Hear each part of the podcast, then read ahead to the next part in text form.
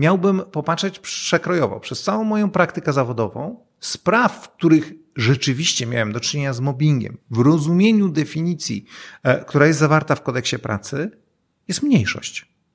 Sąd dokonuje takiej oceny, to sąd będzie zawsze odrzucał skrajności, czyli e, e, będzie odrzucał osoby skrajnie nadwrażliwe, przepraszam za to określenie, ale pewnie jako psycholog wiesz, co mam e, na myśli, ale także będzie odrzucał osoby zupełnie niewrażliwe.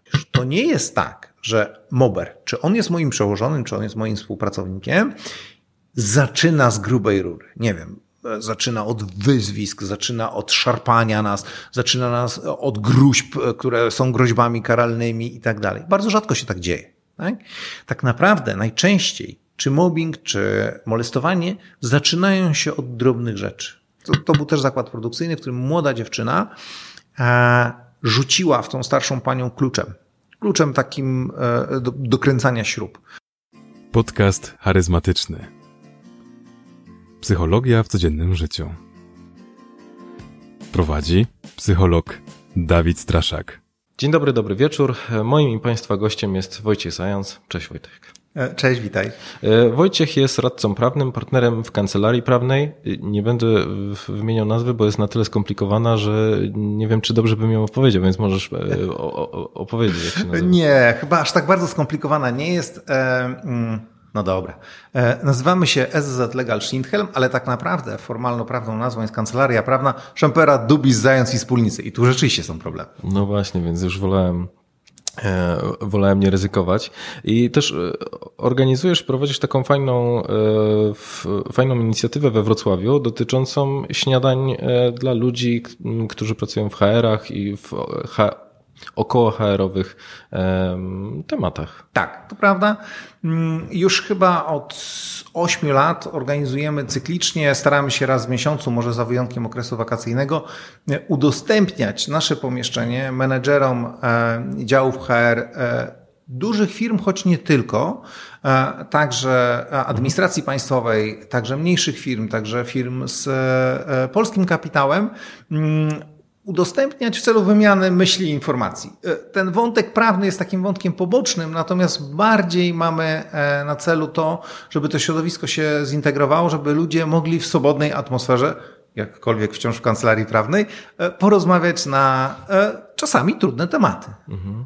No i właśnie, dzisiaj też chciałem z Tobą porozmawiać o jednym z takich trudnych tematów, o mobbingu. I chciałbym, mam wrażenie, że jest bardzo dużo takich może nie tyle mitów, ale co do takich e, nie do końca wyjaśnionych prawd, e, które narastają wokół niego, że często mam wrażenie, że jak rozmawiam z osobami, które zarządzają, to ten mobbing jest używany jako taka, taka forma groźby ze strony pracownika, a z drugiej strony pracownicy nie do końca wiedzą, gdzie jest ta granica pomiędzy tym, że mój szef jest wymagający albo może nie jest takim bardzo empatycznym e, liderem w stylu tego servant leadership, a z drugiej strony no i właśnie też nie, nie do końca wiedzą, gdzie jest ta granica, jak to zrobić, więc no, chciałbym zacząć od takiego pytania, czym w ogóle jest mobbing. No właśnie, to pytanie e, jest e, i łatwe, i bardzo trudne, dlatego że z jednej strony w prawie oczywiście jest definicja legalna mobbingu, ale mm, ja trochę się muszę, e, muszę przedstawić. Znaczy, ja się tym prawem pracy zajmuję ponad 20 lat i w zasadzie od samego początku, kiedy zajmowałem się prawem pracy, ta problematyka mobbingu, a za chwilę wprowadzę trochę nowe pojęcie, z którym chciałbym e, Was wszystkich, e, którzy nas słuchacie i oglądacie, oswoić, mm, jest mi bardzo bliska. I, I przez te 20 lat praktyki e, byłem proszony o udział w rozstrzyganiu naprawdę najróżniejszych spraw z tej, z tej materii. Też zdarzyło mi się wielokrotnie występować w sądzie w tego typu sprawach, więc wydaje mi się, że ten przekrój spraw mam naprawdę duży i, i, i praktykę też wydaje mi się dość, dość bogatą. I przepraszam za ten e, przy, przydługi i reklamowy e, wstęp, ale chciałbym, e, żebyście Państwo mm, spróbowali trochę otworzyć głowy i posłuchać tego, co ja mówię w kontekście bardzo praktycznym, nie tylko w kontekście prawnym. Dlatego, że to pojęcie, o którym powiedziałem i z którym chciałbym się dzisiaj, żebyśmy obaj się zmierzyli, to jest pojęcie negatywnych zjawisk w miejscu pracy. Elementem tego pojęcia będzie mobbing, natomiast to jest pojęcie znacznie szersze. Dlaczego zaczynam od tego? Dlatego, że w istocie, jeżeli miałbym popatrzeć przekrojowo przez całą moją praktykę zawodową, spraw, w których rzeczywiście miałem do czynienia z mobbingiem w rozumieniu definicji, e, która jest zawarta w kodeksie pracy, jest mniejszość. Mhm. Zupełnie na odwrót w stosunku do tego, co pracownicy sobie wyobrażają i co e, pojawia się w mediach. I to jest chyba klucz, od którego musimy, e, który musimy otworzyć drzwi do tego, żeby e, rozmawiać o negatywnych zjawiskach w miejscu pracy. Co ja mam na myśli, mówiąc o negatywnych zjawiskach w miejscu pracy? Od pojęcia bardzo ogólnego zasad współżycia społecznego, przez pojęcie nierównego traktowania, którego pewnymi elementami składowymi jest pojęcie molestowania. I wreszcie molestowania seksualnego, bo to nie to samo, podkreślam, to bardzo ważna wiedza. I na końcu, jako pewna kwalifikowana formuła negatywnego zjawiska w miejscu pracy, występuje dopiero mobbing. Zacznę może od tego końca, żeby, żeby Wam przybliżyć, e, co, co, co mam na myśli. Mobbing w ogóle, to uśmiecham się do Ciebie, mhm. no jakby jest definiowany zarówno w prawie, jak i w psychologii.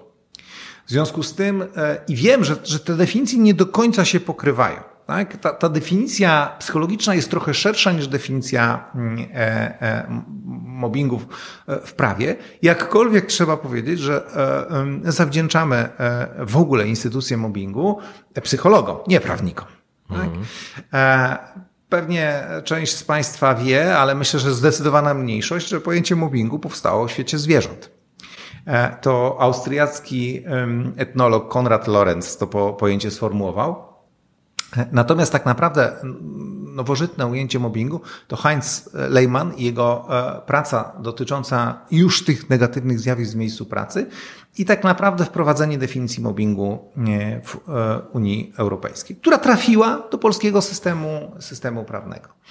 No i gdzie, kiedy mamy do czynienia z mobbingiem? Tak? Mm, e, mobbing to działania lub zachowania, które są skierowane przeciwko pracownikowi, które mają przede wszystkim charakter uporczywy i długotrwały. To są dwie kluczowe cechy definicji mobbingu. Oczywiście e, działania o charakterze... w sumie takie nie, niejasne. Nie? Tak, bardzo niejasne. Bardzo niejasne i, i na tym tle też e, dochodzi do bardzo wielu e, nieporozumień w kontekście rozumienia e, tej definicji. Tak? Oczywiście e, mobbing polega na działaniach negatywnych. Definicja legalna mówi o nękaniu lub zastraszaniu, ale wciąż uporczywym i długotrwałym. Dlaczego ta uporczywość i długotrwałość są takimi pojęciami nieostrymi? Czy to jest specjalnie, czy ktoś chciał pracownikom utrudnić życie? Nie, to zdecydowanie specjalnie. Tak? Jeżeli mówimy chcemy zdefiniować słowo uporczywość, tak? przepraszam, znowu po prawniczemu trochę, e, definicja słownikowa to jest powtarzalność pewnego zjawiska. Tak? E, no ja Natomiast tak, wiesz, po swojemu bym e, poczuł, że w tej uporczywości jest takie, że ja to robię intencjonalnie, że tak chcę robić w, to, w powtarzalny sposób, czyli powtarzalnie ci zamykam drzwi przed nosem. Tak. Ja bym powiedział tak, że, że zwróćcie uwagę na to, że uporczywość ma pewien negatywny ładunek emocji, to słowo, tak? Ono nie jest ani neutralne, ani pozytywne, czyli jeżeli powtarza się coś uporczywie, to raczej w sposób przeszkadzający nam, tak? Natomiast długotrwałość to już w ogóle pojęcie trudne do zdefiniowania, dlatego że nawet słownik języka polskiego definiuje to jako coś trwającego przez długi czas. No i teraz e, e, trzeba będzie rozstrzygnąć, e, e, co, to, e, co to jest. Więc na razie zostawmy e, tą długotrwałość, bo myślę, że będziemy o tym za chwilę, za chwilę rozmawiać, ale żeby Państwu jeszcze skomplikować tą definicję, to oprócz tego nękania i zastraszania, uporczywego i długotrwałego, żebyśmy mm, e, mówili o mobbingu, to po stronie potencjalnego mobera musi być cel.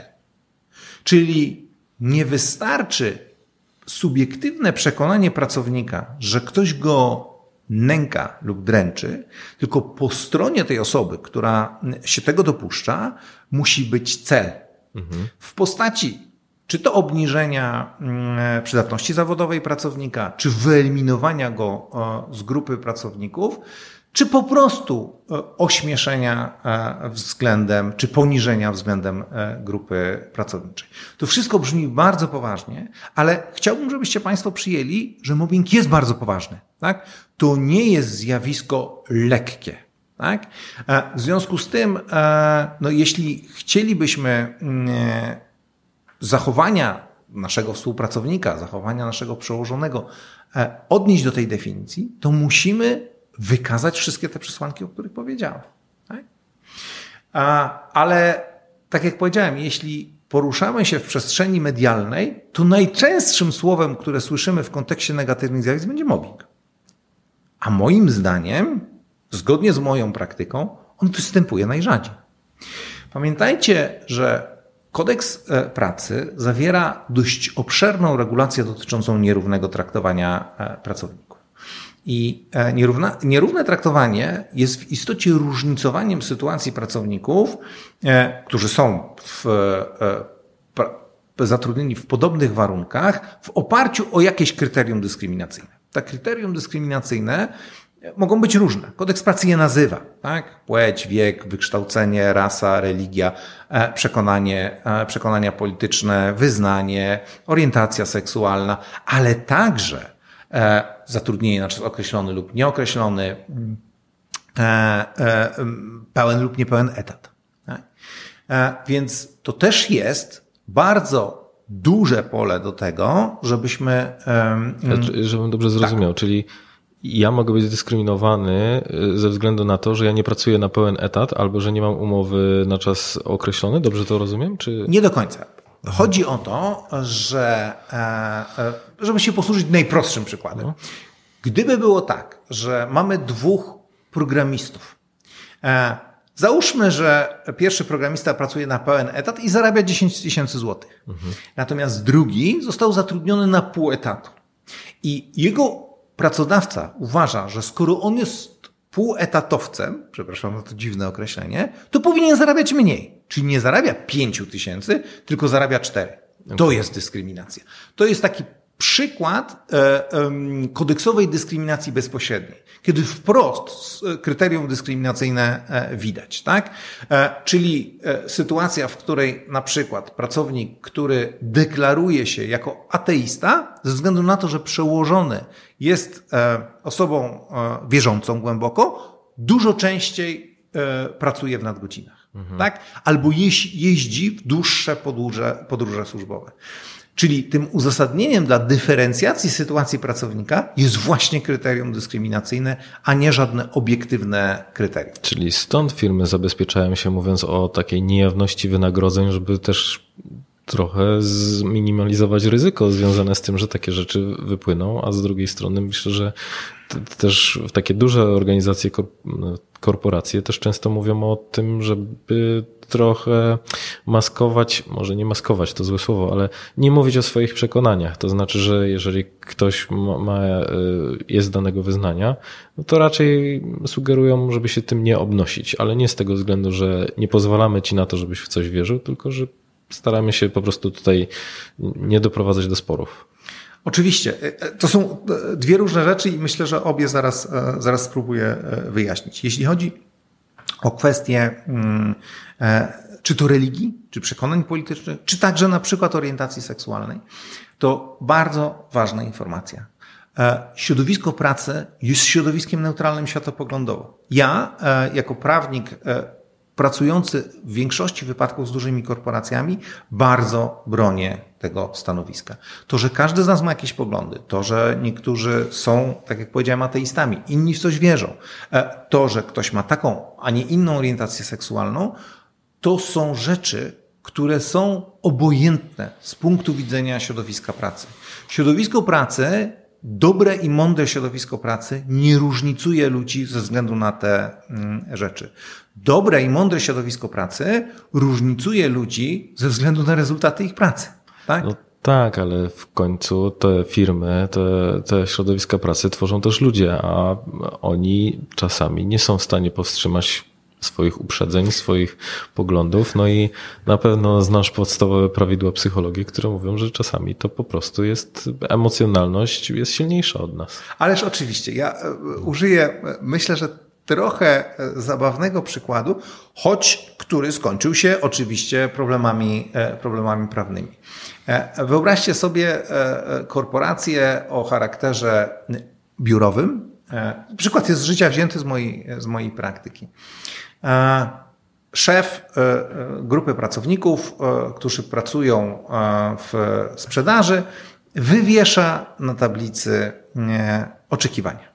Tak? Czyli na, na najbliższe Cele. miesiące tak zwane targety. Nie lubię tego słowa strasznie, ale tam bardzo pasowało do tej, do tej organizacji. Tak? Wywiesza, wszyscy patrzą na te targety, ok. Nie? No i podczas przerwy jeden z pracowników wiesza E, wizerunek, na pierwszy rzut oka wizerunek e, no, świętego, świętej mhm. konkretnie. Tak? E, ja nie jestem biegły w nazywaniu świętych, natomiast okazuje się, że mm, ta, ta święta to patronka rzeczy niemożliwych. Duża grupa pracowników uśmiecha się, zwłaszcza jak rozszyfrowali zagadkę, bo to był taki, wiecie, wydruk z, z drukarki, więc nie do końca można było rozpoznać, jaka to święta, no ale zagadka szybko się, się rozwiązuje. Następnego dnia do pracodawcy wpływa skarga od jednej z pracownic z tego zespołu na dyskryminację ze względów e, religijnych. Dlaczego? Ona uważa, że to było, mm, e, to był rodzaj e, zawoalowanej dygresji, e, e, e, krytyki jej przekonań religijnych, dlatego że ona informowała swoich współpracowników o tym, że jest głęboko religijna i że jej parafia jest pod wezwaniem tej właśnie świętej. No i wyobraźcie sobie, że z jednej strony mamy historię, którą chyba jednak większość ludzi odbierze z pewną dozą poczucia humoru, ale jednak w zespole pojawił się ktoś, komu to przeszkadza, kto się poczuł tym urażony czy obrażony wręcz. Złożył oficjalną skargę, w związku z tym trzeba było wszcząć oficjalne postępowanie i tak dalej, i tak dalej. I popatrzcie, jaką serię błędów w tym prostym przykładzie e, e, popełnił przełożony. Przełożony pozwolił na to, przełożony też E, on zresztą tak mi powiedział, że on jakby uznał, że to jest dość zabawna historia. Tak, dla niego tak, dla większości członków zespołu też, ale była w tym zespole osoba, której to istotnie przeszkadzało. I e, jakby apeluję do, do, do tego, żeby w takich sytuacjach trochę wyłączyć emocje. Czy one są negatywne, czy pozytywne, to jeśli one są niezwiązane z rezultatami naszej pracy, to prowadzą nas na manowce. I, I ta naprawdę banalnie prosta historia pokazuje, że wejście w te elementy światopoglądowe, nawet na poziomie, który wydaje nam się zwykłą zabawą, w cudzysłowie oczywiście powiem, e, może prowadzić do bardzo poważnych następstw. Mhm. Jaka jest różnica między molestowaniem a molestowaniem seksualnym w świetle prawa? E, tak, to bardzo dobre pytanie i bardzo ważne, dlatego że znowu prowadząc e, szkolenia z e, zakresu negatywnych zjawisk w miejscu pracy, mam od wielu lat takie wrażenie, że u nas skojarzenie molestowania jest absolutnie z molestowaniem seksualnym. Jednoznaczne. Jednoznaczne, prawda? Mhm. Natomiast e, zgodnie z e, definicjami kodeksowymi to są dwie różne instytucje. Jakbym miał odnieść się wprost do Twojego pytania, to molestowanie jest zjawiskiem o charakterze podstawowym, natomiast molestowanie seksualne jest kwalifikowaną formą e, molestowania. Tak? I gdzie jest różnica? No przede wszystkim w sferze, do której to negatywne zjawisko się odnosi. Molestowanie jest, e, definicja molestowania jest bardzo zbliżona do definicji e, mobbingu. To są niepożądane zjawi zjawiska bądź zjawisko, skierowane przeciwko e, e, pracownikowi, polegające na jego upokorzeniu, e, stworzeniu uwłaczającej atmosfery, tego typu negatywnych, negatywnych elementach. ta kluczowa różnica, do, którą chciałem Wam przekazać, w molestowaniu Wystarczy pojedyncze zachowanie, żebyśmy mieli do czynienia z molestowaniem. W mobbingu, w mobbingu wracamy do pojęcia uporczywości i długotrwałości. Czyli molestowanie jest zjawiskiem, które dużo szybciej wystąpi niż mobbing.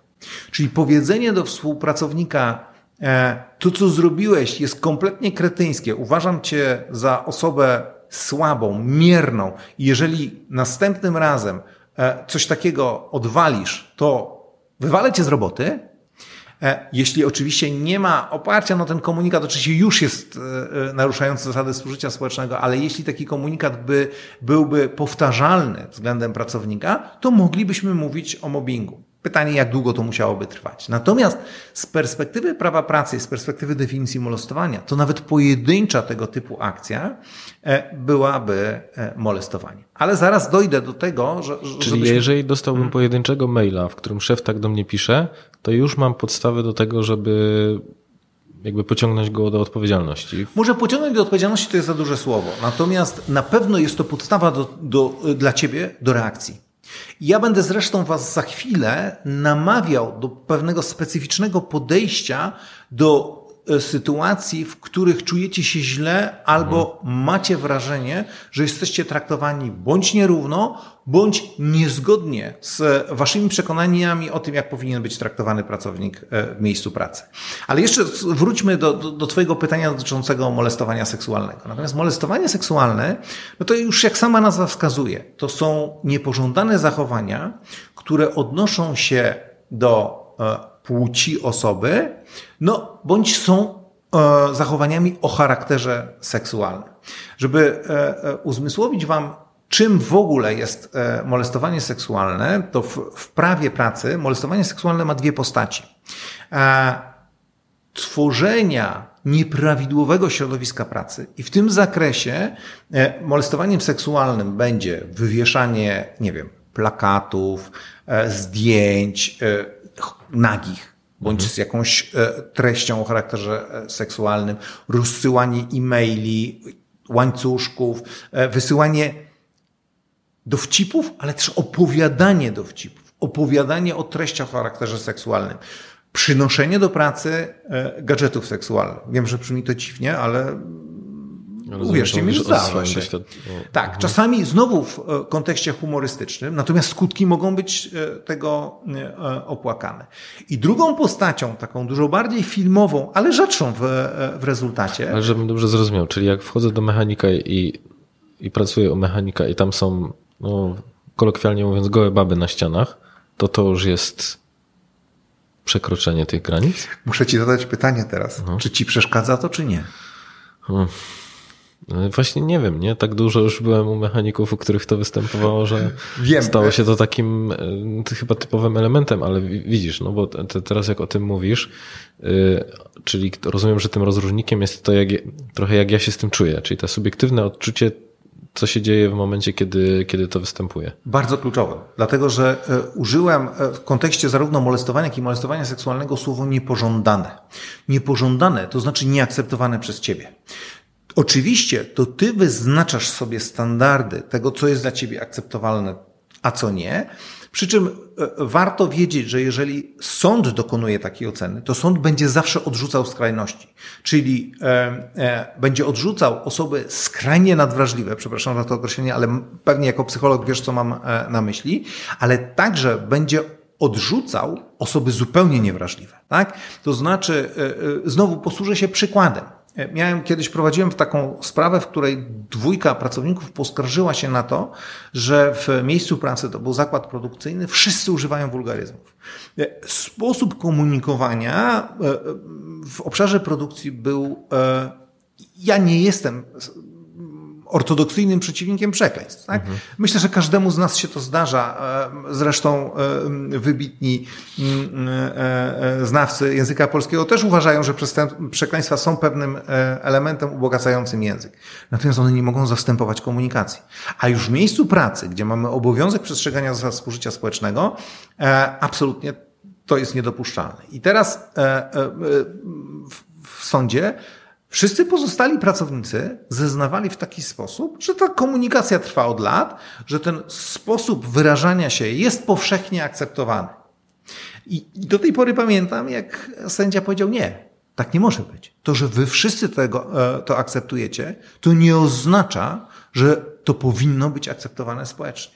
Bo w taki sposób moglibyśmy przesuwać każdą granicę, tak? I mówić, skoro wszyscy zgadzają się na to, że można rabować e, staruszki e, e, na przystankach, to będziemy rabować staruszki na przystankach. Nie, prawo tak nie działa.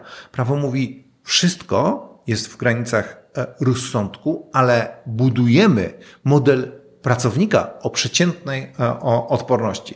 W ramach ciekawostki powiem Wam, że to się nazywa mm, e, e, model ofiary rozsądnej w prawie. Nie brzmi za dobrze, ale, ale tak jest. To znaczy sąd buduje sobie wizję przeciętnego pracownika i zadaje mu pytanie, czy w tych okolicznościach byłbyś, e, odczuwałbyś negatywnie dane zjawisko, czy nie. I jeśli, mm, e, oczywiście, no znowu, wracając do przykładu z, z mechanikiem, jeśli wchodzisz, no jest, ja wiem, będę stereotypowy teraz, jest, jesteś facetem, byłeś u 20 mechaników, e, wszędzie widziałeś te mm, tak zwane gołe, e, gołe, gołe panie, pewnie ten poziom porażenia cię tym jest niewielki. E, raczej masz pewną odporność, więc pytanie, czy to jest bardzo niepożądane, e, czy nie. Ale wyobraź sobie odwrócenie tej sytuacji i na przykład młodą dziewczynę, która została w tym samym zakładzie, zatrudniona w, e, w biurze, ale żeby umówić termin naprawy albo skonsultować skargę klienta, musi wchodzić na ten obszar warsztatu, gdzie jest otoczona zdjęciami nagich kobiet. I ona mówi, bo, bo też miałem taką sprawę, i ona mówi, to mi przeszkadza. Ja się z tym źle czuję. Czuję się zdehumanizowana tą obecnością nagich mhm. kobiet. Nie chcę, żeby w taki sposób e, w moim zakładzie były prezentowane kobiety. I ja uważam, że absolutnie ma do tego, e, mm, do tego prawo. Czy to trochę nie jest tak, że sąd może nie być do końca obiektywny w tym wszystkim? Bo trochę jak opowiadałeś o tej sprawie, to pomyślałem, że to w sumie bardzo zależy od tego jakby doświadczeń czy postrzegania świata. Ale ja wiem, że to jest takie pewnie e, ciężkie pytanie. Nie, to pytanie jest proste, tylko pojęcie społeczne jest trochę inne od, pomiędzy tym, co się w sądzie, do, do czego w sądzie e, dochodzimy, a tym, co rzeczywiście sąd robi. Dlatego, że większość z nas e, ma takie przekonanie, że w sądzie e, osiągamy prawdę e, obiektywną. Tak? I na podstawie prawdy obiektywnej sąd podejmuje decyzję. Otóż prawda jest zupełnie inna. Nie da się ustalić prawdy obiektywnej w sądzie, ponieważ odtwarzamy zdarzenia, które już zaistniały. I te zdarzenia są przepuszczone przez filtr czasu, świadków, czyli sposobu postrzegania e, innych ludzi, dokumentów, które przedstawiamy sądowi, maili, nagrań. Żadna z tych okoliczności nie odtwarza w stu procentach zdarzenia, które miało miejsce. Mhm. Dlatego oczywiście sąd, zgodnie z wytycznymi e, e, postępowania cywilnego, mówię o sądzie cywilnym, w tym sądzie pracy, powinien zmierzać jak najbliżej do prawdy obiektywnej, ale on jej nigdy nie osiągnie. Więc to na podstawie czego sąd wyrokuje. To jest tak zwana prawda sądowa, czyli to, co się sądowi udało zgromadzić w ramach materiału dowodowego. Przecież nie wszystkie dowody zawsze uda się e, e, zgromadzić.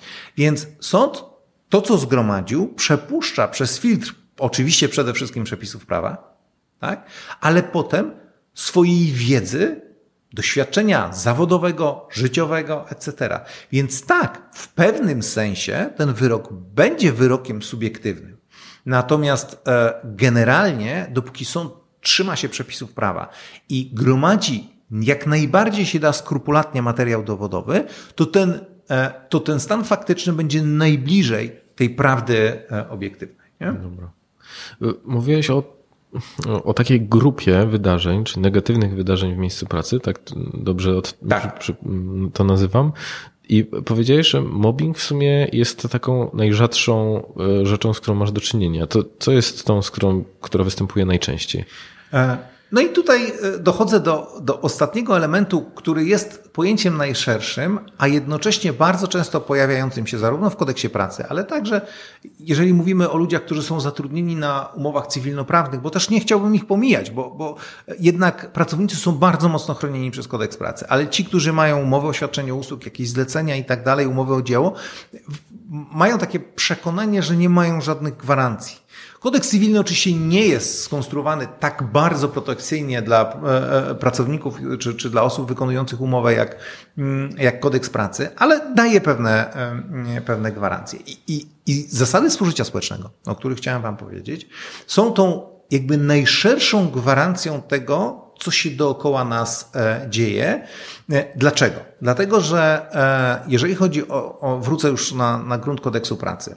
Kodeks pracy nakazuje wszystkim pracownikom przestrzeganie zasad współżycia społecznego. Zasady współżycia społecznego są sformułowane jako podstawowy obowiązek pracowniczy. Z głowy powiem artykuł 100, paragraf 2, punkt chyba 6. Mm, obowiązek przestrzegania zasad współżycia społecznego. Krótko mówiąc, za nieprzestrzeganie zasad współżycia społecznego można kogoś z pracy zwolnić. Druga bardzo ważna rzecz, która często umyka menedżerom w wirze targetów, to jest to, że oni mają obowiązek wpływania na kształtowanie zasad współżycia społecznego. Co to oznacza? Że twój menedżer ma nie tylko obowiązek przestrzegać zasad, ale kształtować je. Krótko mówiąc, e, znowu zespół e, powinien mieć w menedżerze pewną wytyczną, jak się zachowywać względem siebie. Czym są te mityczne zasady współżycia społecznego? Słuchajcie, są w prawie wszystkim. To jest pewien zespół norm, co do których my w ramach pewnej umowy społecznej zobowiązujemy się je przestrzegać. E, na e, zasady współżycia społecznego, tu wejdę na grunt psychologii, jak e, się utopię, to mnie ratuj, to normy moralne i normy obyczajowe. Normy moralne to normy wartościujące, czyli zachowanie pracownika, człowieka jest dobre lub złe. Natomiast normy obyczajowe to sposób zachowania się w określonych sytuacjach, który nie jest wartościowany. Tak? E, no i tutaj będą wszystkie e, konwenanse. Sposób ubierania się w miejscu pracy, sposób zwracania się do współpracowników, formułowania e, maili, Słuchajcie, pamiętajcie, że zasady służenia społecznego są też bardzo dynamiczne. E, to, co było 10 lat temu standardem, w tej chwili jest zupełnie czymś innym. Język się upraszcza, komunikacja się zmienia, przyzwyczajamy się do mówienia sobie na ty i bardzo fajnie. Atmosfera w, e, w wielu firmach jest dużo luźniejsza niż 10-15 e, lat temu, a niektóre obyczaje zanikają. Popatrzcie chociażby na, na obyczaj całowania kobiet w rękę. Ja jeszcze całkiem dobrze pamiętam, pamiętam, ty już nie, ale ja pamiętam dobrze, że to było dość powszechne. I to w biznesie, I to podczas, e, e, czy to podczas imprez rodzinnych. Teraz, jak prowadzę szkolenia i pytam pań, kiedy ostatni raz zostały pocałowane w rękę, to większość odpowiedzi jest, a na weselu wujek Staszek jeszcze mnie pocałował. Już wycinam, moi drodzy, kwestie COVID-u i tych wszystkich mhm. wersji sanitarnych, ale chciałem wam na tym prostym przykładzie pokazać, że zasady współżycia społecznego cały czas się też zmieniają. Tak? Natomiast jeżeli chodzi o normy, normy moralne, no to te są dużo poważniejsze. Tak? E, ale one też e, e, dość łatwe są do odczytania w miejscu pracy. Tak? Zasada wzajemnej pomocy, zasada lojalności, zasada mm, bycia względem swoich współpracowników osobą mm, jak to się mówi, niepodkładającą świń, tak? Mhm. To są wszystko rzeczy, które wartościują nas e, moralnie. I tak naprawdę, jeśli mnie pytasz, co najczęściej jest łamane w miejscu pracy, to właśnie zasady służycia społecznego, tak? Ponieważ je bardzo łatwo złamać. Na poziomie konwenansu, chociażby przez używanie nadmierne e, wulgaryzmów, na poziomie e, właśnie mm, niezdrowej konkurencji chociażby, czyli łamania pewnych norm moralnych e, lojalności e, pracowniczej. Tak? No i na drugim biegunie, choć bardzo mocno powiązany z naruszeniem zasad współżycia społecznego, i to chyba najczęściej we wszystkich postępowaniach mobbingowych, które prowadzę, wychodzę, wychodzi. A mianowicie po prostu brak umiejętności menedżerskich ze strony przełożonego. Słuchajcie, tak naprawdę, jeżeli bym wziął 100% spraw, które prowadziłem, to myślę, że w 75% e, rezultatem tej sprawy było stwierdzenie tego, nie ma mobbingu, ale jest absolutnie e, mm, e, sprawa jest efektem prostych błędów po stronie menedżera, których naprawdę było bardzo łatwo uniknąć, tak? Nie doprowadzając do eskalacji, do konfliktu i tak dalej, i tak dalej. Ale... Ale Co, co masz na myśli, że o tym braku umiejętności takich zarządczych? Bo trochę to brzmi jak ta typowa historia. Byłem najlepszym specjalistą, awansowali mnie na zarządzającego i bez jakiegokolwiek szkolenia, przeczytania książki, obejrzenia filmu w tym temacie robię trochę na czuja, tak mi się wydawało. Dawid, role, role model sprzedałeś teraz Okej. takiej, takiej sprawy. E, Na, na dwóch poziomach. Po pierwsze, e, brakuje mi kwalifikacji menedżerskich. E, Mój pracodawca w to nie inwestuje, bo uważa, że targety są, są ważniejsze. Ja byłem członkiem tego zespołu, miałem najlepsze rezultaty, więc zostałem szefem. Nie mam pojęcia, jak zarządzać ludźmi, bo przez 10 lat byłem członkiem ze- zespołu. Ktoś mną zarządzał zwykle nie do końca udolnie. Nie był to e, znowu role model dla mnie, od którego mógłbym się wszystkiego e, nauczyć. Choć oczywiście też tacy bywają, e, zastrzegam to. No i co? No i, i jestem rzucony na głęboką wodę, nie umiem pływać, no ale każą mi pływać. I to każą mi pływać taki triatlon po, po, po, potężny, nie? A z drugiej strony jest jeszcze nie, poważniejszy problem, polegający na tym, że przełożonemu, który awansuje z grona pracowników, jest trudniej.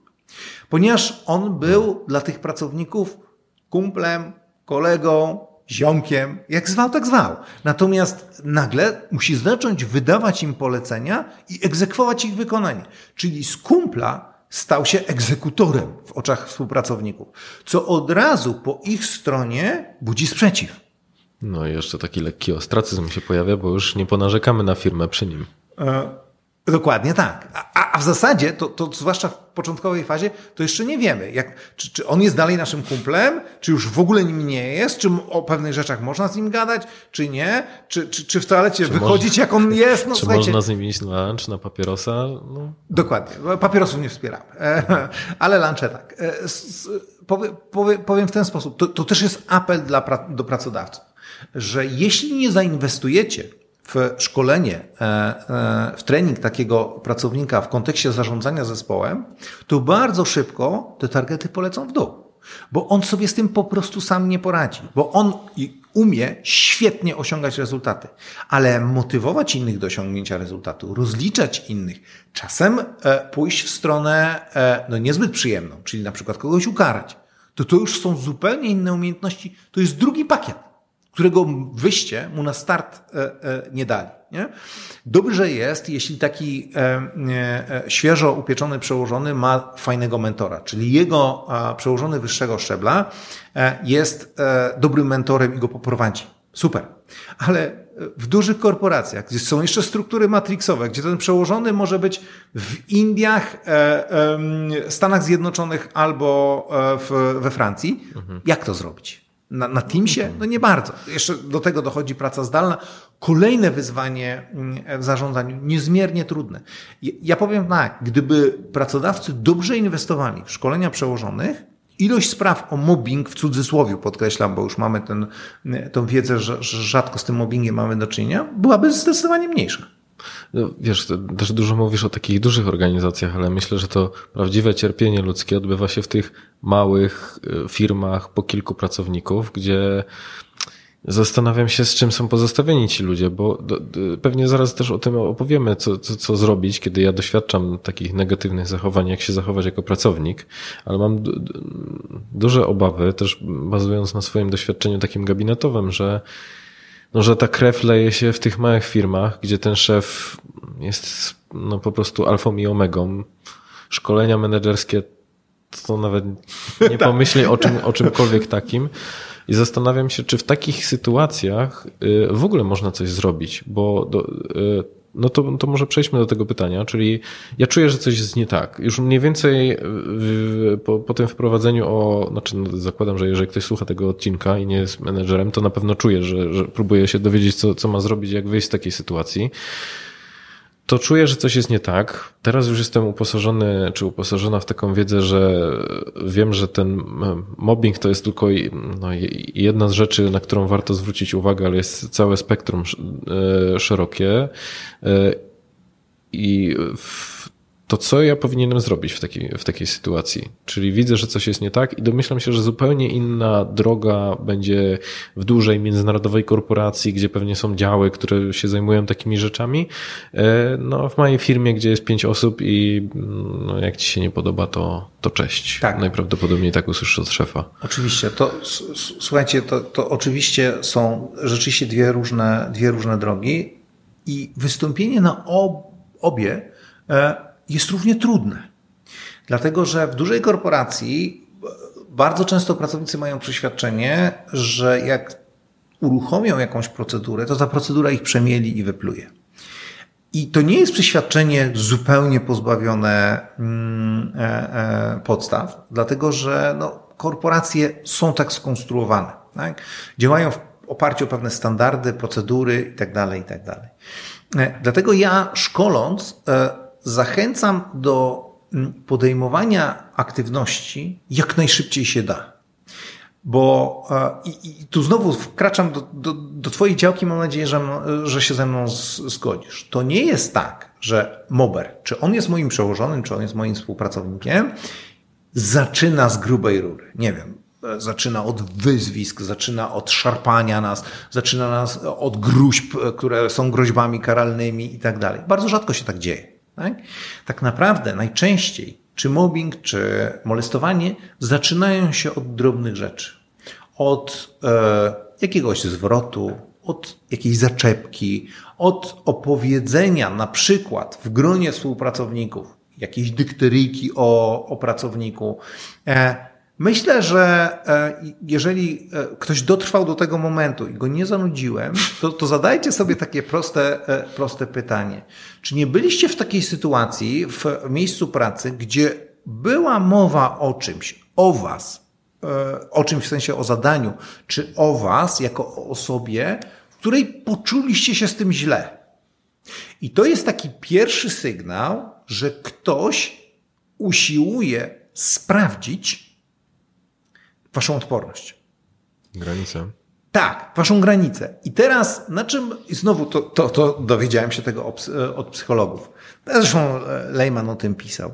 I mober, czy molestowacz, zaczyna tą granicę przesuwać. Każdy kolejny dzień, czy kolejny tydzień, to jest jakaś drobna rzecz, która powoduje przesunięcie granicy. I dochodzimy do takiego momentu, w którym w pewnym e, mm, e, ten, ta, ta, osoba, wobec której te działania są podjęte, zaczyna się znajdować w pułapce. Mhm. I ona e, jakby zaczyna się poddawać temu, pod, zaczyna też myśleć o sobie jako mm, o osobie nieprzydatnej zawodowo, niepasującej do zespołu, wyeliminowanej z zespołu.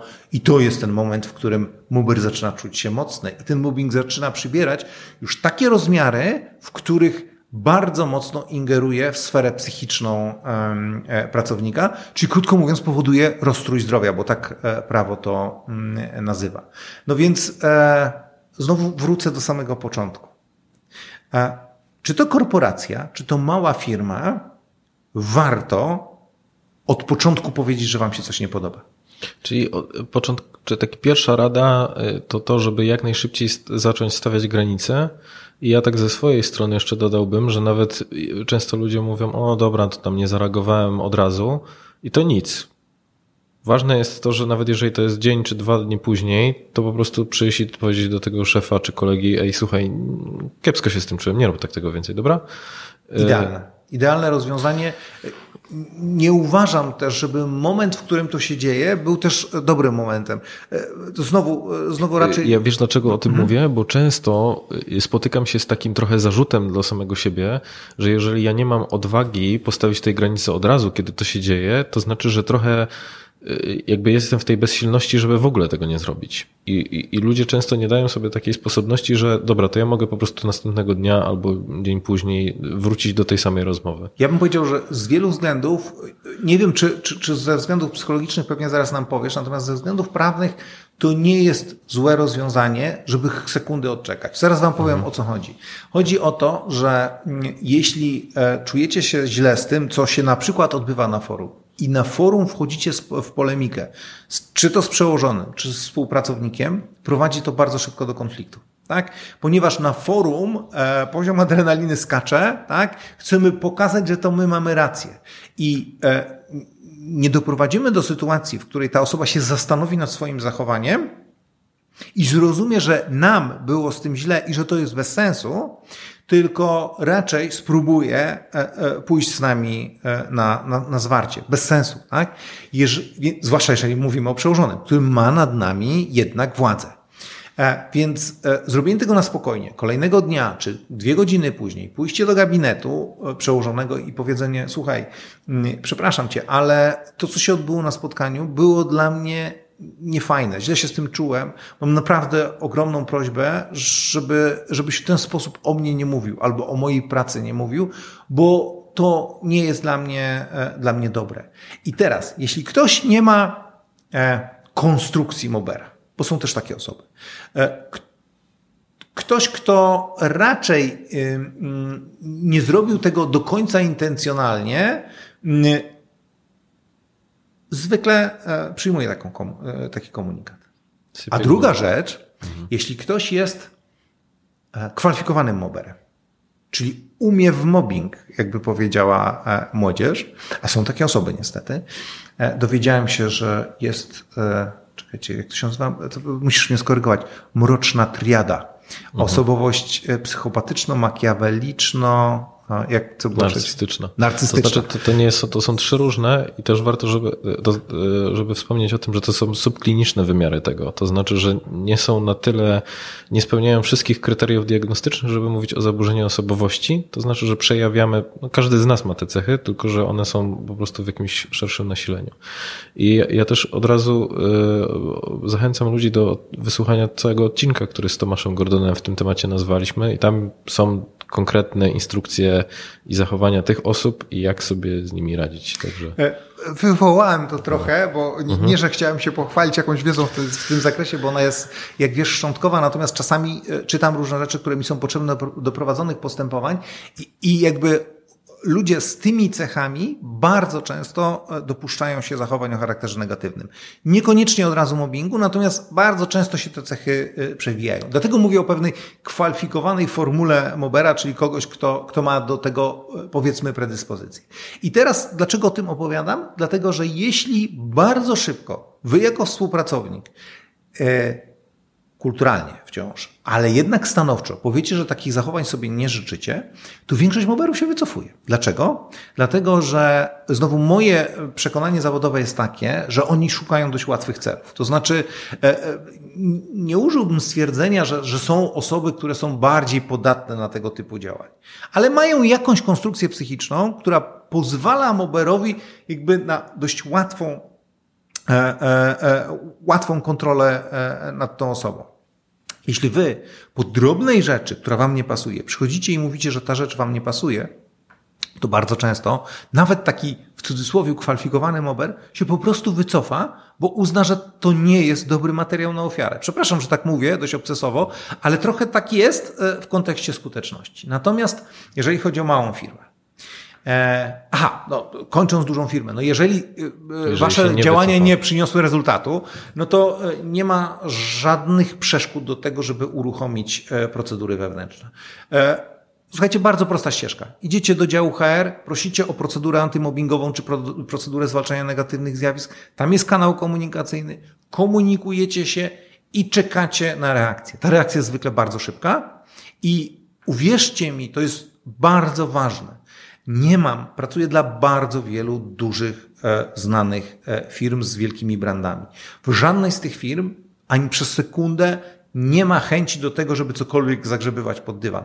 To się po prostu tym dużym firmom nie opłaca. Bo tak? się skończy w sądzie. Tak, skończy się w sądzie, ale nawet, słuchajcie, pal licho e, sąd, odszkodowanie i tak dalej, bo większość tych firm po prostu stać na, na zapłacenie odszkodowania. Szkoda wizerunkowa Szkoda w zakresie tego słynnego employer brandingu jest dużo większa, wielokrotnie większa niż jakiekolwiek odszkodowanie. I uwierzcie mi, że nieważne jak wysoko jest osoba, którą, mm, e, e, co do której macie przeczucie, że się źle wobec Was zachowuje, e, to ta firma będzie prowadzić postępowania wyjaśniające w tym zakresie. Bo transparentność jest kluczem do tego, żeby obronić wizerunek w razie problemów. Więc to nie jest tak, że oni będą prowadzić to wyłącznie z miłości do Was jako do pracownika, ale będą to prowadzić, będą to prowadzić rzetelnie. Jeśli osoba jest, e, o, o której mówimy, ten potencjalny mober jest wysoko w organizacji, bardzo często w komisjach mobbingowych pojawiają się eksperci zewnętrzni. Pojawiam się ja, jako prawnik z kancelarii zewnętrznej, bardzo często wynajmuję się menedżerów HR z innych dużych firm, e, po to, żeby nie byli uwikłani wewnętrzne e, mm, e, kwestie. Więc takie postępowania się wyjaśnia. To, to jest bardzo ważna Dobra, informacja. A jak to wygląda? Czy ja przychodzę do HR-u, mówię, no jest taka sytuacja, mój szef zachowuje się tak, tak i tak. Yy, Czy ja mam zbierać jakieś dowody wcześniej, jakieś notatki robić z tego? Jak, wiesz, jak się w ogóle przygotować do takich spotkań? Yy, Czy w ogóle Oczywiście. jakkolwiek? E, To, to jest bardzo ważne. Znaczy, e, e, wiadomo, że postępowanie wewnętrzne w firmie nie jest takim postępowaniem bardzo sformalizowanym jak postępowanie sądowe, ale jest quasi postępowaniem. W związku z tym, im więcej materiałów dostarczycie, tym będzie łatwiej członkom tej komisji e, jakby wyrobić sobie zdanie w temacie. Oni oczywiście zbiorą dowody również inne. Przesłuchają e, świadków, czy wysłuchają raczej, no bo to, e, e, no bo to nie, tak, ja wiem, że brzmi okrutnie, no ale tak jest. No jakby muszą się oprzeć o jakichś dowodach. Zwykle wygląda to w taki sposób. Przychodzicie do HR-u, mówicie, mam taką sytuację, najczęściej wtedy menedżer HR-u bierze was i rozmawia z wami e, w celu uzyskania szczegółów. Czyli prowadzi tak zwane czynności wyjaśniające. Spisuje to, co od Was e, e, się dowiedział, no i próbuje skonfrontować to z innymi materiałami, które, e, które ma. Jeśli ta osoba uznaje, że Wasze, że okoliczności, które przekazaliście, uprawdopodobniają istnienie negatywnego zjawiska, jakim by ono nie było, nawet najlżejsze postaci y, y, naruszenia współżycia społecznego, wszczyna formalną procedurę. Powołuje się komisję i ta komisja działa jak trochę quasi sąd, ale oczywiście bez uprawnień sądu, czyli rozmawia ze współpracownikami, rozmawia oczywiście po raz kolejny z osobą, która zgłasza mm, skargę. Jeśli jest dobrze mm, e, e, poprowadzone postępowanie, to z potencjalnym oberem rozmawiamy na końcu. Bardzo proste, bardzo często to jest przełożone, więc jeżeli byśmy zaczęli rozmawiać z nim na dzień dobry, to istnieje duże zmieniło. ryzyko, że będzie wpływał na e, wyjaśnienia pozostałych osób. Oczywiście. Czyli ta machina rusza Tak, i on tak. czuje, że coś się zmienia, bo nagle nie chcą z nim chodzić na obiad. E, Rzadko tak jest Nie? To- to- nie, nie, nie, szybko się to dzieje? E, Pewnie szybko. Tak, to znaczy te- te postępowania, mm, jeżeli ja uczestniczę w ich prowadzeniu, to staram się, żeby one były zakończone maksymalnie szybko, jak się da. A to Nie zawsze- więcej jaki jest horyzont czasowy? Wiesz co, sztuczka polega na tym, że bardzo często sam zgłaszający utrudnia prowadzenie tego postępowania. Dlatego, że w Polsce standardem jest zgłaszam skargę i idę na zwolnienie lekarskie. Okej. E, I tu znowu musicie wiedzieć pewną e, istotną rzecz. Jeśli ja będę prowadził to postępowanie, ja nie będę was e, przesłuchiwał w trakcie zwolnienia lekarskiego, bo uważam, że z prawnego punktu widzenia jest to z, zbyt groźne. Dla, dla komisji, dla pracodawcy i również dla was. W związku z tym, dopóki nie wrócicie ze zwolnienia lekarskiego, to postępowanie będzie zawieszone. Okej, takie trochę ucieczkowe zachowanie, jakby chciałbym, żeby to się rozwiązało poza mną i że wrócę, już go nie będzie. Nie da się. Po prostu się nie da, dlatego że bez e, wyjaśnień osoby skarżącej praktycznie e, komisja e, antymobbingowa jest ślepa i głucha. No, bo też wyobrażam sobie, wiesz, zastanawiałem się, z czego to może wynikać i pomyślałem, że te osoby już decydują się w takim już akcie desperacji, że one już dłużej rzeczywiście nie wytrzymają i pewnie to jest taki już głos trochę e, desperacji związany z tym, wiesz, po- popchnięciem sprawy i trochę właśnie wyluzowaniem idąc na zwolnienie lekarskie wtedy. Tak, natomiast e, pa, pamiętajcie, że, że spektrum zachowań ludzkich jest naprawdę szerokie i, i oczywiście duża część skarg jest zasadna w takim rozumieniu, że w tym zespole albo w tych relacjach interpersonalnych jest coś złego. E, I myślę, że, że tak jest z większością skarg. Natomiast zdarzają się także skargi, które są takim pocałunkiem śmierci dla przełożonego. Czyli na przykład pracownik już ma em, nową pracę, e, natomiast z jakichś względów nie jest mu po drodze e, z jego e, przełożonym, składa na niego skargę i w cudzysłowie ucieka na zwolnienie lekarskie. Tak? I w sumie e, za chwilę rozwiązuje mu się umowa o pracę, a ten przełożony zostaje z tym bagażem złożonej skargi, bardzo często niewyjaśnionej. Nie?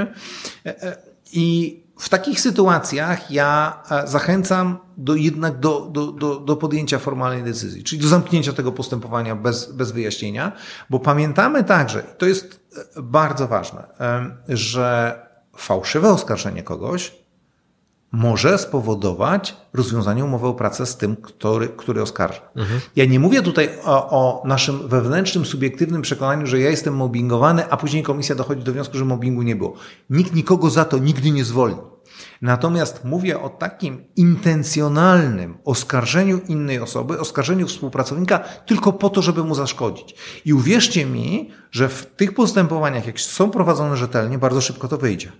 Więc e, absolutnie przestrzegam Państwa e, e, przed takim, przed takim zachowaniem, bo to się skończy na pewno źle. Pamiętajcie także, że temu, który został oskarżony o to, przysługują roszczenia wynikające z przepisów prawa cywilnego o naruszenie dóbr osobistych. Coraz częściej się zdarza tak, że jeśli skarga była złożona w prawie się mówi w złej wierze, czyli w celu zaszkodzenia wyłącznie innej osobie, nie oparta o żadne fakty i argumenty, to ta osoba może się domagać zadośćuczynienia.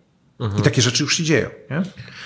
Pomyślałem, że dużo musi być takich spraw, e, w których ja, jako taka osoba, e, może inaczej, mam takie wrażenie, że często jak się przychodzi do organizacji, to często mówi się, a ten miał taką sytuację, tam coś z mobbingiem, o coś z nim chodziło, nie wiadomo o co, ale mm, wszyscy wiedzą, że tam pandarek z trzeciego piętra miał jakąś taką niejasną sytuację, więc rzeczywiście ten, y, czy to oskarżenie byłoby zasadne, czy niezasadne, no to to się gdzieś ciągnie za tym człowiekiem.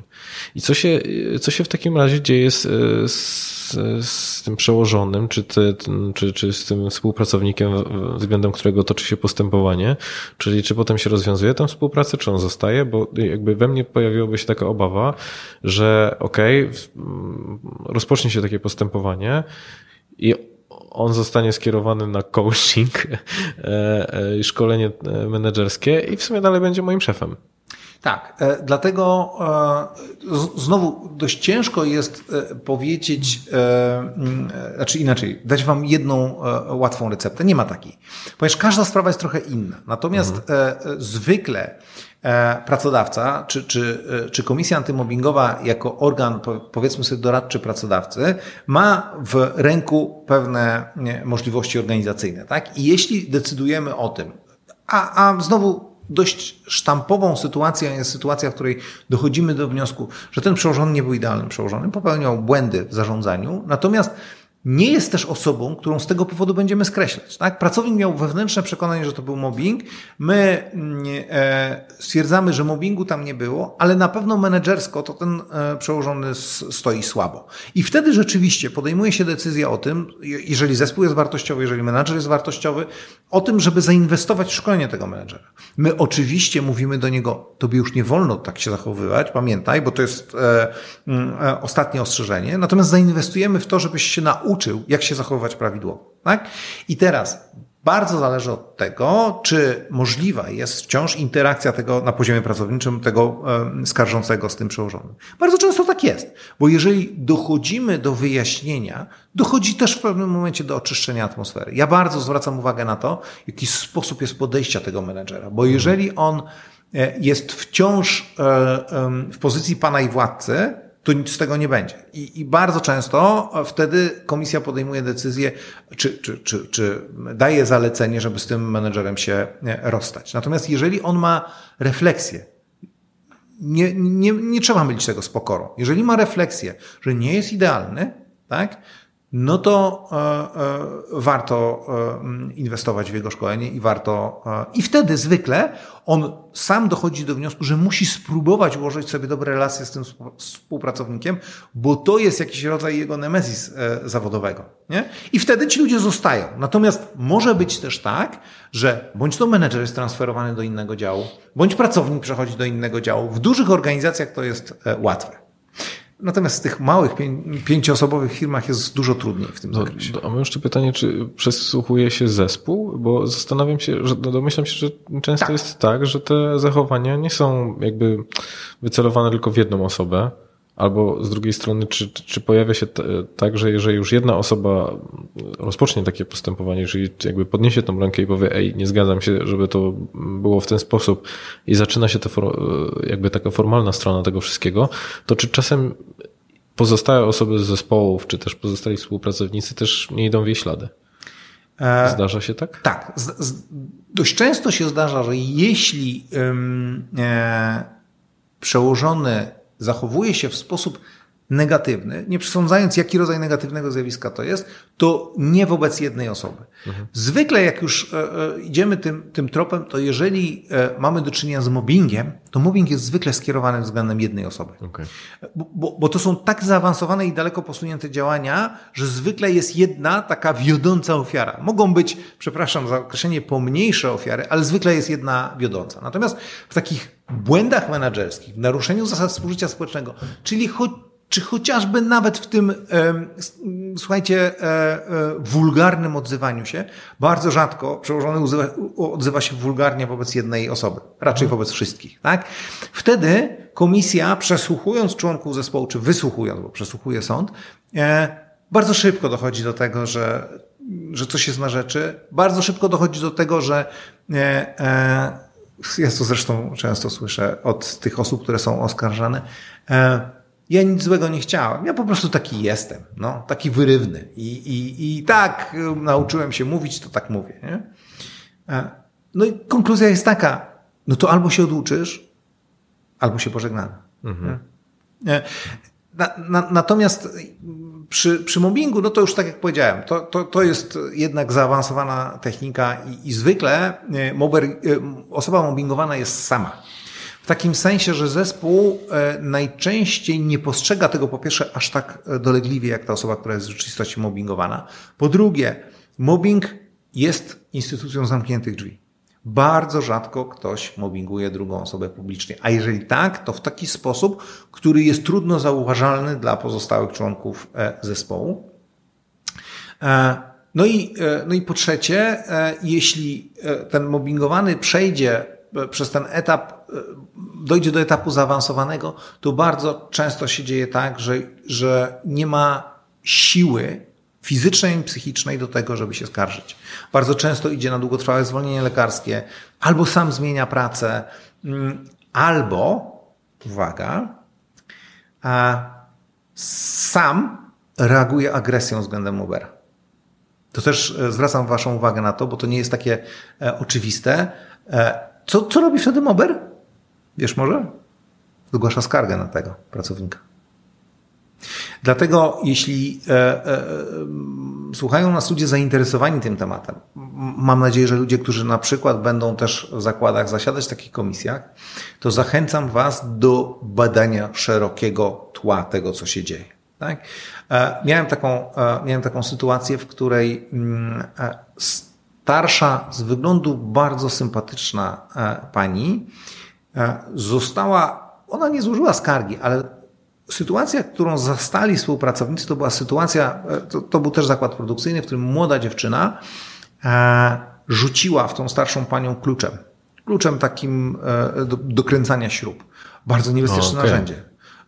No, używając kolokwializmu, gruby temat. Tak? Oczywiście e, e, mistrz natychmiast e, złożył zawiadomienie o tym, powołano komisję i tak dalej, i tak dalej. Sprawa była ewidentna. To było na oczach współpracowników. Tak? Jeszcze jedna, jedna rzecz, żebyśmy nie popadali w stereotypy. To była dziewczyna z różo, ta, ta młoda dziewczyna z różowymi włosami, z dużą ilością kolczyków, tatuaży i tak dalej, versus starsza, z wyglądu przesympatyczna pani, długoletni pracownik, raczej bez żadnej przeszłości e, e, problemowej w, miejscu pracy, a ta dziewczyna bardzo krótka, e, w sensie z krótkim stażem, tak? Jakiś tam rok u mojego klienta. Komisja bardzo szybko prze, przeprowadziła postępowanie. To było takie postępowanie, ponieważ sprawa była oczywista, to ja nie uczestniczyłem, nie, nie było tam żadnego prawnika, była wewnętrzna komisja. Okoliczności zdarzenia nie budziły mm, wątpliwości, więc komisja sporządziła raport jakby e, konkluzja raportu była taka, żeby wystąpić o rozwiązanie umowy. Nawet tam była e, do, rozważenia dla zarządu e, rozwiązanie umowy w trybie dyscyplinarnym. Wydawałoby się, że taka była też sugestia komisji. Ta dziewczyna się, młoda się przyznała do tego, powiedziała, że sprawa jest oczywista, że, że rzuciła i tyle. Nie?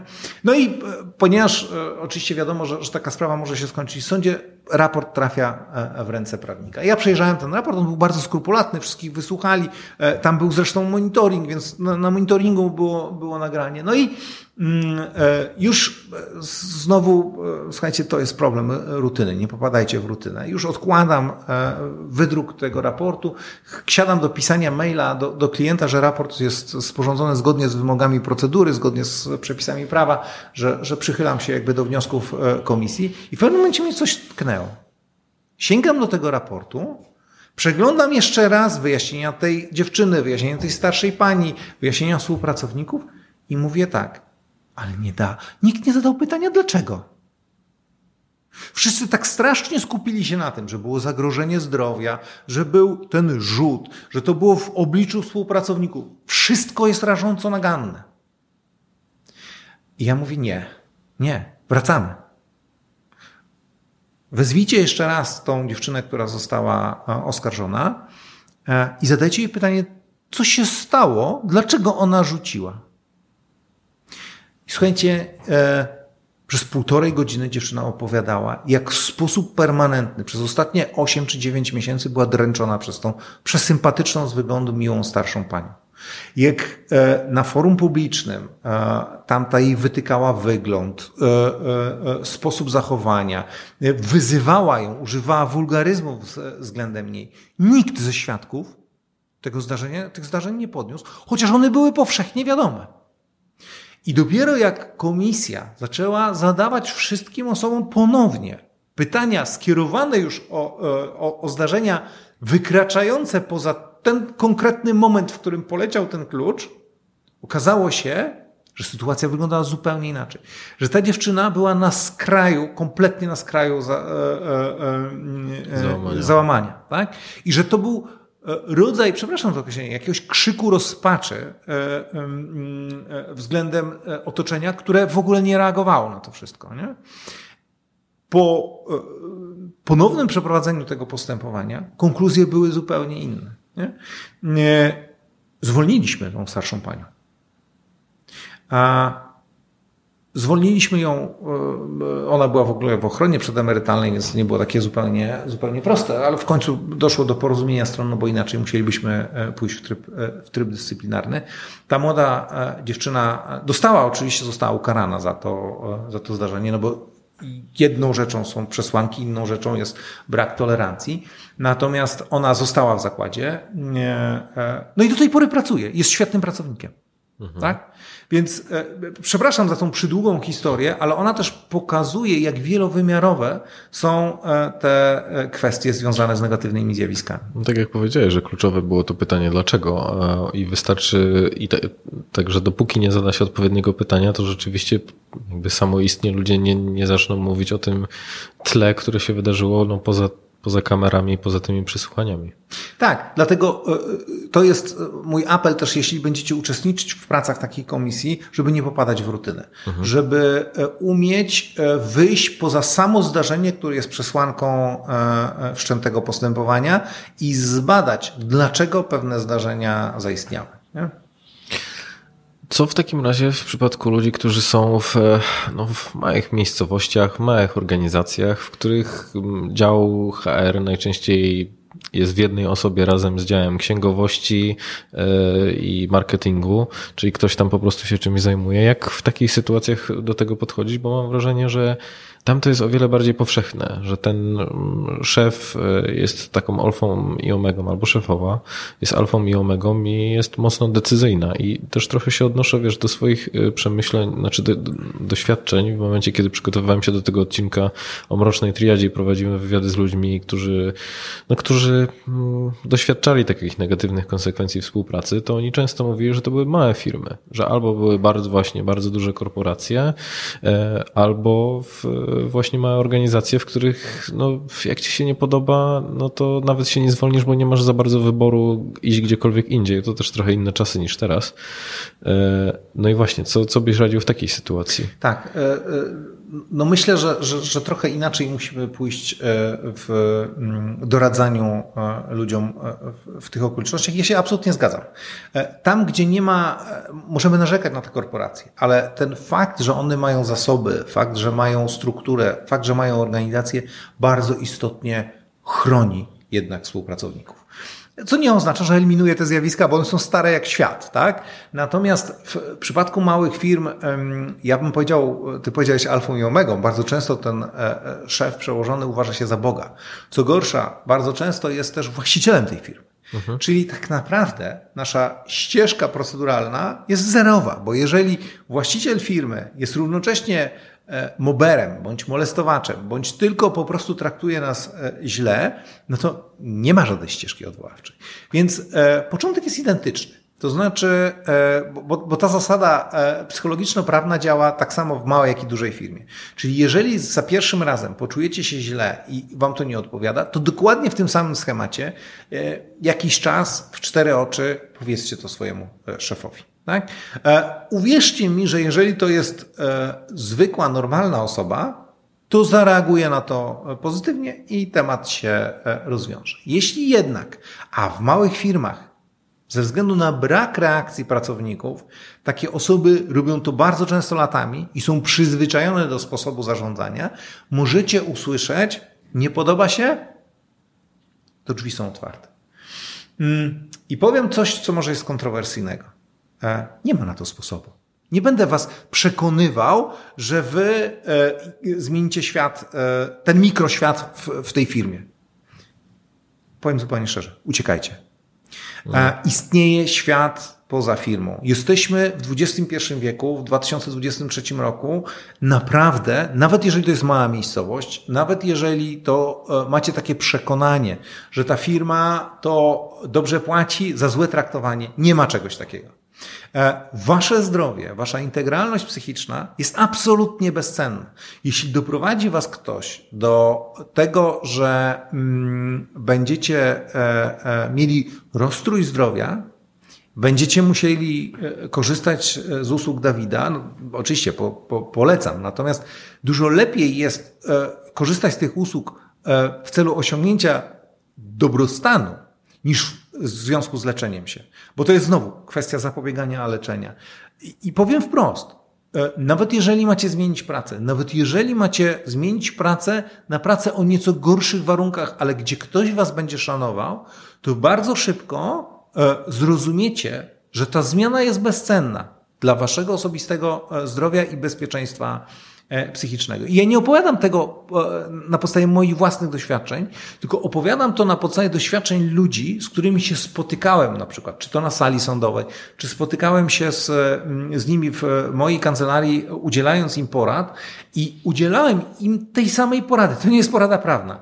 Jeśli e, masz w perspektywie proces z szefem warsztatu, w którym jest pięć osób i jeśli chcesz się w ten proces zaangażować, będzie on trwał trzy lata, będziesz e, e, musiał chodzić do sądu, przeżywać to, a ten szef, e, bardzo często cyniczny, będzie cię jeszcze na tej sali sądowej wyśmiewał, to zastanów się, czy zmiana po prostu pracy i zamknięcie tego tematu nie będzie dla ciebie korzystniejsze. E, oczywiście to nie jest tak, że ja was zniechęcam do dochodzenia swoich praw, tylko wszystko ma swój bilans, tak? Również postępowanie sądowe ma swój bilans. I nie zawsze wymierne w tym bilansie będzie rezultat finansowy w postaci odszkodowania, które sąd zasądzi. To jest ważne. Mhm. Dzięki, że to powiedziałeś, bo ja mam bardzo podobne podejście, że y, można próbować wymierzać jakąś sprawiedliwość albo na, naprawiać świat, ale okazuje się, że często te koszty, które możemy ponieść w trakcie y, robienia tego, y, to jest czas, nerwy i zdrowie, którego nie odzyskamy. I tak jak powiedziałeś, że, że te osoby, które trafiają gdzieś do mnie, do gabinetu, to ten proces poturbowania przez te sytuacje jest, no, no mocno odciska piętno na to, w jaki sposób oni się czują i też jak, jak funkcjonują. Więc często, kiedy już trafiają do takiej firmy, w której jest normalny szef, e, w ogóle to jest też ciekawa rzecz, ale takie osoby mają nawet taki trochę mm, też takim subklinicznym e, w obrazie, taki zespół stresu pourazowego, czyli jak wiesz, dostaję maila, to już całe drże, nie? Czy, czy, czy dostaję jakiś telefon, albo że słuchaj, musimy porozmawiać, no to we mnie się już pojawia bardzo duże napięcie związane z tym, co, co się właściwie miałoby wydarzyć. Więc no, warto się zastanowić, czy czy, czy, czy każda, każdy kolejny dzień e, w takim miejscu no jest warty tego, żeby, e, żeby mieć też na uwadze to, że te konsekwencje mogą się ciągnąć za nami latami po prostu. Absolutnie się z Tobą zgadzam. Ja e, mm, widziałem ludzi, którzy mieli bardzo mocne takie psychosomatyczne e, o, objawy związane z, właśnie z kontaktem, czy to ze współpracownikiem który się dopuszczał jakichś tam zjawisk wobec nich, czy, czy, czy z przełożonym, to jest naprawdę e, moim zdaniem absolutnie nie, nie warte zachodu. To znaczy, e, Chyba jeszcze jedna ważna rzecz, bo bardzo często zaczęliśmy od tego, że, że ludzie wrzucają kwestie mobbingowe do jednego, e, do jednego worka. Nie, nie rozumiejąc, że, że, te, że ta paleta negatywnych zjawisk jest szeroka i że to niekoniecznie będzie zawsze, zawsze mobbing. Mm, I ja bym powiedział tak, jeśli chcecie porady prawnej, to pamiętajcie, że, że negatywne zjawiska to jest dość wąska specjalizacja. E, jeśli chcecie porady prawnej, to idźcie do prawnika, który zajmuje się prawem pracy. Mhm. Nie idźcie do przypadkowego prawnika z ulicy, e, którego ktoś wam polecił, bo mu świetnie poprowadził sprawę rozwodową, czy świetnie mu poprowadził e, sprawę, nie wiem, odszkodowanie majątkowe to są e, na pewno specjaliści w tych dziedzinach. Natomiast to jest rzecz, chyba doszliśmy dzisiaj do, do, do wniosku, która wymaga pewnej praktyki, e, wymaga prze, przejścia przez pewną ilość spraw, ale także pewną znajomość e, psychologii tego typu postępowań. Tak? Więc jeśli chcecie że, rzeczywistej porady prawnej, to idźcie do prawnika od prawa pracy. Coraz więcej osób się w tym specjalizuje. Zachęcam do szukania takiej osoby. Dlaczego? Otóż bardzo prosto. Znaczy, jeżeli do mnie przychodzi klient i mówi, chciałbym, nie wiem, mojemu pracodawcę wytoczyć taką sprawę, a nie inną, ja jestem absolutnie w 100% szczery. Ja będę namawiał tego klienta do wytoczenia e, tej sprawy tylko wtedy, kiedy będę przekonany, jakie zjawisko wystąpiło i że mamy dowody na poparcie e, e, tych żądań. Bo jeśli te dowody są słabe, jeśli przesłanki chociażby mobbingu nie są w mojej ocenie spełnione, to prowadzenie tego procesu skończy się wyłącznie traumą i oddaleniem powództwa dla tej osoby.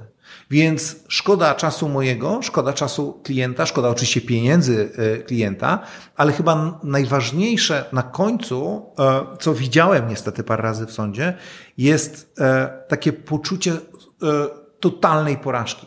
Że byłem źle traktowany w swoim osobistym rozumieniu i sąd nie podzielił tej, tej, tej mojej krzywdy. Tak? Wychodzi się z poczuciem niesprawiedliwości. Ale niestety, od razu Wam powiem, bardzo często to poczucie niesprawiedliwości jest poczuciem wywołanym przez źle sformułowane powództwo. Mhm. I w ogóle bardzo często ta sprawa nie powinna do sądu, e, do sądu trafiać. Znowu, żebyśmy się dobrze zrozumieli, nie jest e, moim celem odstręczanie Was od e, prowadzenia spraw sądowych. Sądy są w Polsce od rozstrzygania sporu. To jest bardzo dobra droga. Natomiast trzeba się liczyć e, z konsekwencjami. I jeszcze jedna bardzo ważna rzecz, bo pewnie będziemy zwierzać do końca, bo już e, uśpiliśmy chyba wszystkich. Ja mam nadzieję, że nie. Mm, to, to taka rzecz, która najczęściej jest mylona e, w kontekście mobbingu, molestowania versus egzekwowanie obowiązków pracowniczych bo, bo tą klamrą chciałbym spiąć w ogóle nasze, e, naszą rozmowę. Otóż gros spraw postrzeganych przez pracowników jako mobbing, czasem molestowanie, czy, czy naruszenie zasad współżycia społecznego, to jest proste egzekwowanie obowiązków przez e, przełożonych. I teraz, stosunek pracy, moi drodzy, czy nam się to podoba, czy nie, jest stosunkiem nadrzędności i podporządkowania. Mamy wykonywać pracę sumiennie i starannie i stosować się do poleceń przełożonego. Jeśli przełożony wydaje polecenie, które jest związane z, prawa, e, z pracą, nie jest sprzeczne z przepisami prawa i odnosi się do naszego zakresu obowiązków, mamy je wykonać. A to, że nam się to nie podoba, albo to, że nam się nie podoba, że przełożony krytykuje wykonanie przez nas obowiązków, to nie jest niestety problem tego przełożonego. On jest po to, żeby przydzielać nam pracę i rozliczać nas z jej rezultatów. Jeżeli odbywa się to w sposób kulturalny, jeżeli odbywa się to w sposób merytoryczny, bez wycieczek osobistych, bez wulgaryzmów, to tu jest zupełnie normalne. Nie ma tam żadnego mobbingu, molestowania czy naruszenia zasad współżycia społecznego. To jest po prostu egzekwowanie obowiązków pracowniczych. Jeśli chcemy e, e, albo wydaje nam się, że, że, że nikt nam nie, nie będzie wydawał poleceń, to polecam założyć działalność gospodarczą i pracować na własny rachunek. Uśmiecham się do Dawida, bo obaj wiemy, jak to w rzeczywistości e, wygląda, że, że również w tej relacji zawsze klient jest e, naszym, naszym panem. Natomiast stosunek pracy, powtórzę to, bo to się musi Wam utrwalić, jest stosunkiem nadrzędności i podporządkowania. Jeżeli w strukturze organizacyjnej firmy jest ktoś wyżej nad nami, to ma prawo wydawać nam e, polecenia i ma prawo oczekiwać rezultatu, terminowości, punktualności, przestrzegania reguł, stosowania się do instrukcji, procedur, etc. Jeśli tego nie robimy, to uwaga, ma prawo powiedzieć nam, co robimy źle, dlaczego robimy źle i jakie będą konsekwencje, jeżeli dalej będziemy robić źle. Tymi konsekwencjami może być kara porządkowa, może być odebranie premii, może być także finalnie rozwiązanie z nami umowy o pracę. Jeżeli przełożony mówi do nas tak, słuchaj, po raz kolejny jest opóźnienie w raporcie, którego od, od ciebie oczekiwałem. Nie toleruję tych opóźnień, bo ono wpływa na funkcjonowanie całego zespołu. Jeśli po raz kolejny spóźnisz się z raportem, rozważę rozwiązanie z tobą umowy o pracę. To nie jest groźba. Albo inaczej, mówiąc kolokwialnie, jak najbardziej groźba. Tylko nie jest to groźba bezprawna. To jest groźba oparta o przepis prawa. Jeżeli nie należycie wykonujesz obowiązki pracownicze, to przełożony ma prawo zagrozić ci konsekwencjami. I to nie jest żaden mobbing, żadne molestowanie, czy żadne naruszenie zasad współżycia społecznego. Bardzo ważne, żebyście się z tym zmierzyli, zanim oskarżycie kogoś, czy na pewno jesteście e, e, pracownikami no, może nie bez skazy, bo takich nie ma, ale dobrze i należycie wykonującymi swoje obowiązki. Bo pamiętajcie, że w tym postępowaniu Również komisja antymobbingowa, tak samo jak sąd, sprawdzi, jakie było podejście do waszych obowiązków pracowniczych. Fajnie też, że, że o tym wspomniałeś, bo też pamiętam, że kiedyś pisałem jakiś artykuł na LinkedInie dotyczący właśnie zarządzania yy, i pojawił się taki komentarz, że nie jesteś przełożonym, tylko partnerem we współpracy. I pomyślałem sobie, nie do końca. No, jestem jednak przełożonym w tej roli, więc to jest asymetryczna relacja, w której jedna osoba wydaje polecenia, a druga no, jest zobowiązana do jej realizowania. I pamiętam, jak bardzo poukładało mi się w głowie w momencie, kiedy ja uczestniczyłem w Twoim szkoleniu, właśnie z tego zakresu, o którym rozmawialiśmy, jako jeszcze w tej ro roli e, lidersko-menedżerskiej, gdzie rzeczywiście mam wrażenie, że w tych czasach jest dużo takiego. Hmm, dużo strachu ze strony ludzi, którzy, którzy są zarządzającym, że czy ja tej granicy nie przesuwam zbyt daleko. Myślę, że właśnie przez tą wypowiedź przed chwilą jakby jasno wyklarowałeś, gdzie, gdzie ona tak naprawdę leży. Więc y, no co, no polecam też twoje szkolenie, nie? Jeżeli, jeżeli ktoś, y, bo tam rzeczywiście jest dużo tak, z tej perspektywy mędrca z zupełnie innej wioski i branży, to znaczy takiej już czysto prawnej, gdzie możesz opowiedzieć, jak to wygląda po drugiej stronie, takiej bardziej obiektywnej, w ogóle takiej no, opierającej się o, o kodeks prawa pracy. Jeżeli miałbyś zostawić naszych słuchaczy, widzów z jedną radą dotyczącą tego, o czym rozmawialiśmy, to co byś im poradził? No to chyba wrócę do, do, do któregoś z elementów naszej dyskusji, bo ciężko jest wybrać, bo, bo wydaje mi się, że te wszystkie wątki są dość, dość ważne, jeżeli mówimy o negatywnym e, e, zjawisku. Ale jeśli miałbym e, Wam coś doradzić takiego mm, chyba naj, najbardziej skutecznego, to jest reagujcie jak najszybciej. To znaczy, mhm. jeżeli czujecie się z czymś źle, to nie pozwalajcie przesuwać kolejnych granic. Jeśli czujecie się z czymś źle, to komunikujcie to. W większości relacji pracowniczych, z którymi ja miałem do czynienia, taka komunikacja była absolutnie wystarczająca do tego, żeby temat zamknąć. Bardzo często ludzie, którzy dopuszczają się e, tego typu działań, nie działają intencjonalnie. Mhm mają, wydaje mi się to zabawne. Trochę wrócę do tego przykładu z tą, z, tą świętą, o którym wam opowiadałem. Z, zabawnych rzeczy wyszło, wyszedł problem. I, i nawet jeśli nie podoba wam się, to, to zresztą bardzo częste. I o, ostatnio po szkoleniu dostałem taką informację, że mm, jest, jest taki kolega e, e, w zespole, który jest w ogóle świetnym kolegą, bardzo fajnym. E, natomiast opowiada dowcipy o osobach homoseksualnych. Dowcipy, mm, żeby użyć języka młodzieżowego, hardkorowe. Młodzieżowcy chyba nie zamordowali to żaden, żaden młodzieżowy slang, ale opowiada tego typu dowcipy. Lubi to, tak? I duża część zespołu gra w tą grę. Tak? Natomiast w tym zespole jest osoba, która jest no, członkiem tej mniejszości i jakby czuje się z tym słabo. Tak? I oczywiście, ponieważ nikt nie protestuje, no to jest coraz więcej tych dowcipów. One są coraz bardziej e, hardkorowe, tak? E, I ja mówię, i on w trakcie szkolenia przyszedł do mnie i mówi, czy, co, co, co, co on ma zrobić. Ja mówię, słuchaj, mm, no nie ma innego wyjścia. Weź go mm, na lunch, idź z nim na lunch i powiedz, słuchaj stary, ale mnie rażą te dowcipy. To nie jest nic, co mnie rozśmiesza. To jest niefajne. Nie?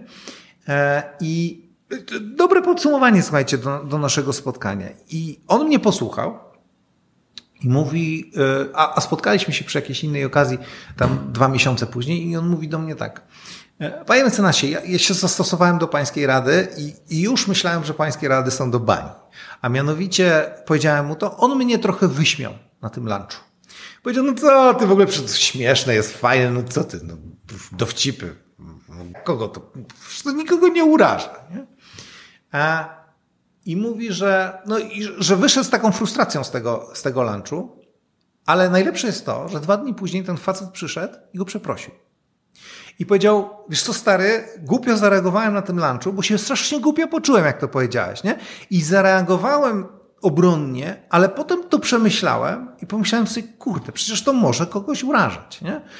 Przepraszam cię bardzo, już nie będę tego robił. Mhm. I jakby sprawa się, e, sprawa się rozwiązała. Myślę, że, że dopóki e, e, te, te tematy nie są wyeskalowane, nie, nie mają ogromnego natężenia, to rozwiązanie ich na poziomie dialogu czy prostej komunikacji, nie życzę sobie tego, jest chyba najlepsze i najłatwiejsze ze wszystkich. Potem już są komplikacje, komisje, prawnicy, HR-y i tak dalej, i tak dalej, albo często zmiana pracy, w tych mniejszych firmach, gdzie się nie da na to nic, e, nic poradzić. Więc ja, e, pamiętajcie, że kodeks pracy stawia na prewencję. To znaczy mamy zapobiegać tym zjawiskom, a nie je zwalczać.